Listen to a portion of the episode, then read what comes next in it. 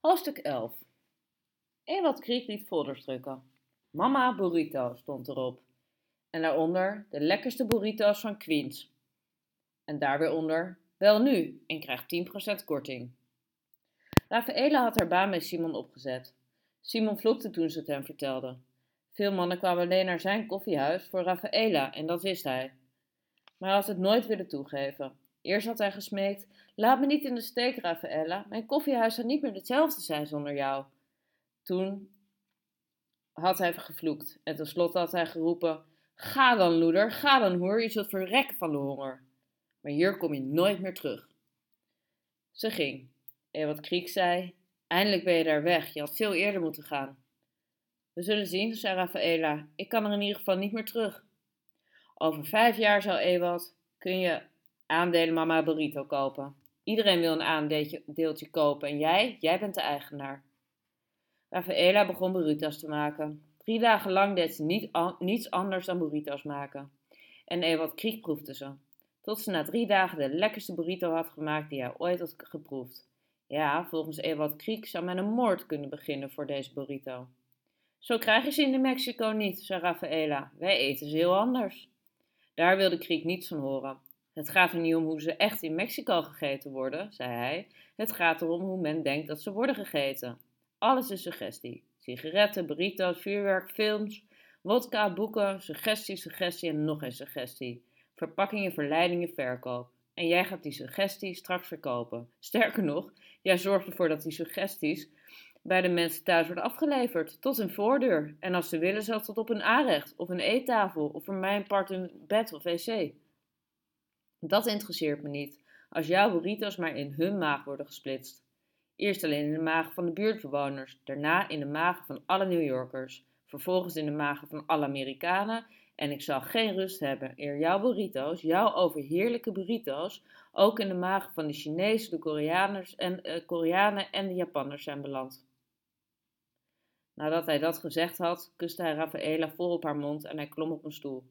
Dat gekke kleine mannetje met zijn uitgewassen krullen, zijn bril, zijn rode neus en zijn kleine vrouwenhanden stond opeens bij ons in de woonkamer op een stoel. En hij riep: Ik droom, ik die, ik die dacht geen dromen meer te hebben, ik die dacht mijn jongensdromen te hebben verkwanseld voor de schijn van het geluk. Ik droom, dankzij jou, Rafaela. En mijn droom heeft een tastbare vorm van een net zo tastbare inhoud. Mijn droom is de burrito. Mijn droom is Mama Burrito. Hij zwaaide met zijn wijsvinger door de lucht, alsof hij voor een gehoor van minstens 500 man stond te praten. Mijn droom is straks dat ze in China niet vergeten wat voor avondeten ze moeten eten en dat, en dat dan alle kleine Chineesjes tegen hun ouders brullen: Bel mama burrito, bel mama burrito. En dat in het kleinste Chinese gerucht straks mama burrito kan worden gebeld. En vergeet niet, mama burrito is niet alleen een burrito. Het is een droom, het is een hoop op een beter leven.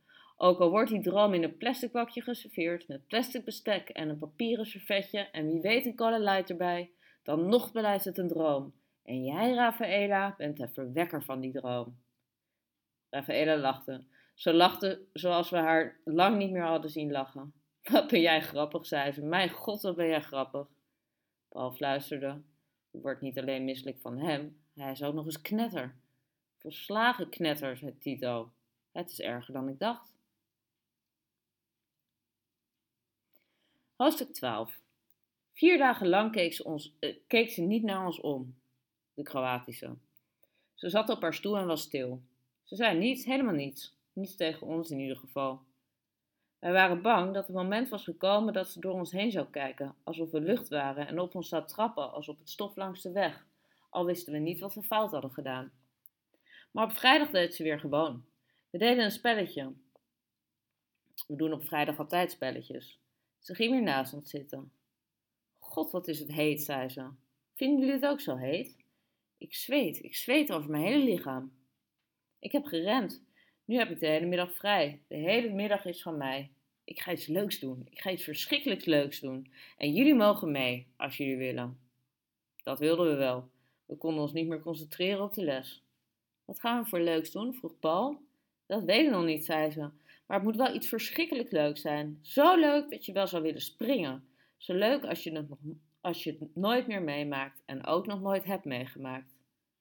We beloofden dat we iets zouden bedenken, maar toen de les was afgelopen hadden we nog steeds niets bedacht. We nemen de metro naar beneden, ik trakteer, zei Tito. We namen de 1. Op Franklin Street Station stapten we uit. We liepen maar wat. Weet je waarom ik jullie leuk vind? zei ze, maar er kwam geen antwoord. Ze had een stuiterbal uit haar zak en ze zei dat ze die gewonnen had. Ze zei dat ze nog veel meer stuiterballen had gewonnen, maar dat ze die aan arme mensen weg had gegeven. Ze gooide de stuiterbal tegen de muur. Vangen, riep ze, jullie moeten vangen. Maar de muur was niet glad. De stuiterbal sprong weg. We renden erachteraan. Toen we weer terug waren met de bal, zei ze: Toen jullie dat appeltaartje voor me hadden gekocht, toen dacht ik: Nu gaan ze aan me zitten. Maar jullie gingen niet aan me zitten. Daarom heb ik jullie de foto's gegeven. Ik geef de foto's bijna nooit. Maar jullie mochten ze hebben, omdat jullie je moeten herinneren zoals ik op de foto ben. Jullie mogen de foto's aan niemand laten zien, maar jullie mogen wel over mij vertellen. Als mensen dan vragen: Hebben jullie haar gekend? Dan moeten jullie zeggen: Jazeker, wij hebben haar gekend. Zij was zo mooi dat mensen op de grond vielen als appeltjes uit de bomen. Ze was zo mooi dat mensen hun ogen niet konden geloven. En ze liep altijd op rode schoenen, want dat waren haar geluksschoenen. Dat moeten jullie vertellen. En ook dat ik stuiterballen aan de arm heb gegeven. Toen begon ze te fluiten. We liepen naar Hudson River Park. We gingen in het gras liggen. Zelfs het gras was heet. Kinderen speelden slagbal. Nu, zei ze, zou het water, zou het water over ons heen moeten lopen. En ze sloot haar ogen. Toen ze haar ogen weer opende, pakte ze haar tas en boende haar mes met een wit doekje. Ze boende het tot het blonk in de zon. Ze sneed een paar madeliefjes af. Kijk hoe scherp, zei ze. Net als mijn tong, die is ook heel scherp. Ze haalde diep adem en floot weer. Dat is een Kroatisch liedje, zei ze toen ze was uitgefloten. En meteen daarna, ze kunnen alles tegen me zeggen. Ga tegen de muur staan, buk je, buk je dieper, buk je zo diep dat je handen je enkels raken. Maar ik heb een scherpe tong. Ik bepaal wie er bukt. Omdat mijn tong scherp is, heb ik mijn mes niet nodig. Maar je weet nooit, daarom neem ik het wel mee. Je weet nooit. Ze kunnen zeggen, steek je tong uit. Ze kunnen zeggen, steek je tong in mijn oor. Maar dan kijk ik altijd eerst even in dat oor. Als het vol oorsmeer zit, steekt mijn tong er niet in. Of vol haren. Jullie houden het niet voor mogelijk wat er allemaal in oren kan zitten. Haren, hele bossen. Ik zeg, jij hebt meer haar in je oor dan op je hoofd. Ik zeg, daar is helemaal geen plaats meer voor een tong. Dat oor van jou zit vol. Ja, je hebt een scherpe tong nodig, anders ga je dood. Maar soms heb je je mes nodig. Als ze geen geintjes begrijpen, dan knijpen ze je keel dicht. Ze slaan nooit. Ze knijpen meteen je keel dicht. Een vriendin van me hebben ze ammoniak in haar gezicht gegooid. Weet je wat ammoniak doet? Het vreet alles weg. Bloed, vlees, cellen, huid. Alleen de botten blijven over.